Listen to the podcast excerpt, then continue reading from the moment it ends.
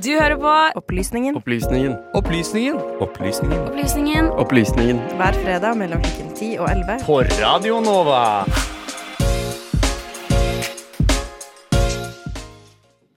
Ja, nå skal vi tilbake til Midtøsten igjen, eh, Amalie. Dette er din tredje sak eh, om Afghanistan. Ja, det stemmer. Noen ganger kan ett ord være helt avgjørende for hva slags politikk vi skal ha, og i denne saken skal vi få høre om et slikt ord, nemlig rimelighetsvilkåret. La oss si at det var uro i deler av Norge, og at Nord-Norge var utrygt. Da er det ingenting i veien for at man kan reise til Oslo og være der, i stedet for å reise tusenvis av kil...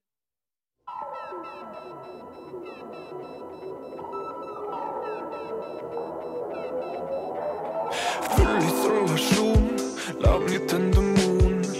Sier at det ordner seg, vet ikke hva jeg tror.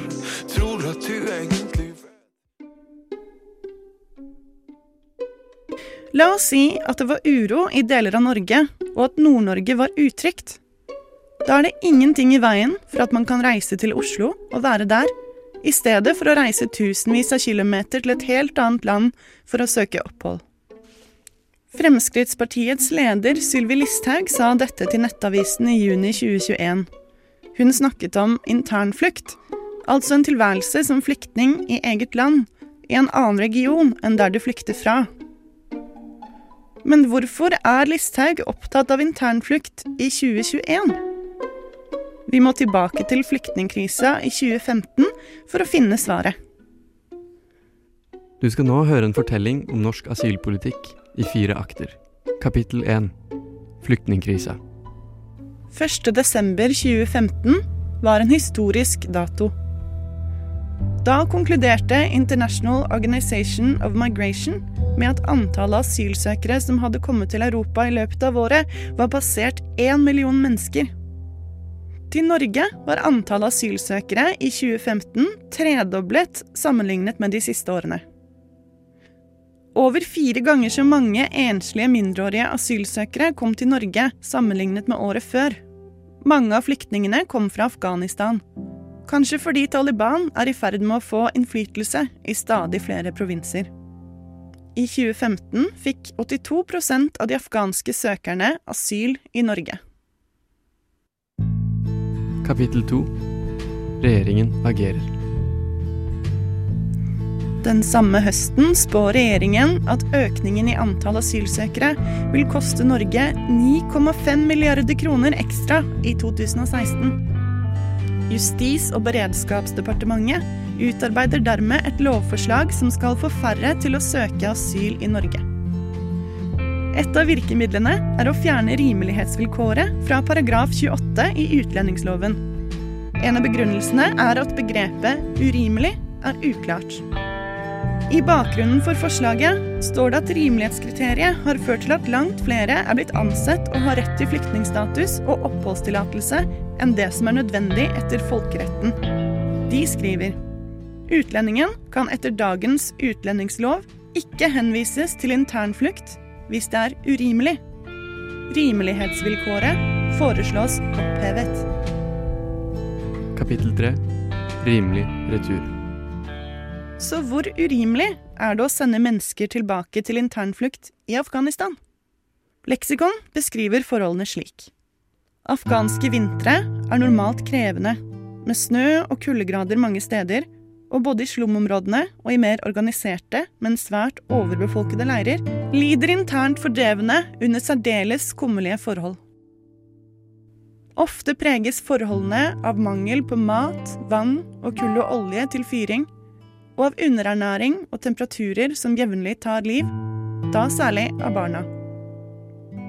Enslige mindreårige asylsøkere har krav på beskyttelse i Norge, men mange får midlertidig oppholdstillatelse og sendes tilbake når de blir myndige. NOAS og Flyktninghjelpen forteller at det er grunn til å tro at tvangsreturnerte 18-åringer uten nettverk er i en spesielt sårbar situasjon. Gutter blir ofte tvangsrekruttert til militæret, og jenter utsatt for seksuelle overgrep. I en undersøkelse for Redd Barna forteller én av fem informanter at noen hadde forsøkt å rekruttere dem til å kjempe i kamp, begå voldshandlinger eller på annen måte engasjere seg i væpnede grupper. Informantene forteller også om andre bekymringer, som at barn blir kidnappet til ulike former for sexslaveri. Barna frykter også at tiden deres i utlandet medfølger stigma. Et av barna forteller. Hvis du har bodd i Europa, regnes du ikke som afghaner. Du er ikke muslim lenger. Du er en vantro, og du må bli drept. Våren 2021 tar Taliban i løpet av få uker kontroll over store områder, og internasjonale styrker trekker seg ut av Afghanistan. Provinshovedstedene faller én etter én, og den 15. august inntar Taliban hovedstaden Kabul. Situasjonen i landet er svært usikker. 21.07 besluttet Utlendingsnemnda og Utlendingsdirektoratet å stanse tvangsreturer til Afghanistan. Det betyr at ingen er nødt til å reise tilbake til Afghanistan mot sin vilje før utgangen av januar 2022. Kapittel fire Oppsving for rimelighetsspørsmålet. Sosialistisk Venstreparti forsøkte i 2018 og 2019 å gjeninnføre rimelighetsvilkåret i utlendingloven, men fikk mager oppslutning. Nå er det på tide å svare på spørsmålet om hvorfor Listhaug snakket om internflukt våren 2021. På sitt landsmøte i juni 2021 vedtar nemlig Senterpartiet at de ønsker å gjeninnføre rimelighetsvilkåret i sitt partiprogram. Venstre og KrF gjør det samme, og etter høstens valg ser spørsmålet veldig annerledes ut på tinget. Onsdag denne uken la Sp og Ap fram den nye regjeringsplattformen. Rimelighetsvilkåret nevnes ikke. Foreløpig.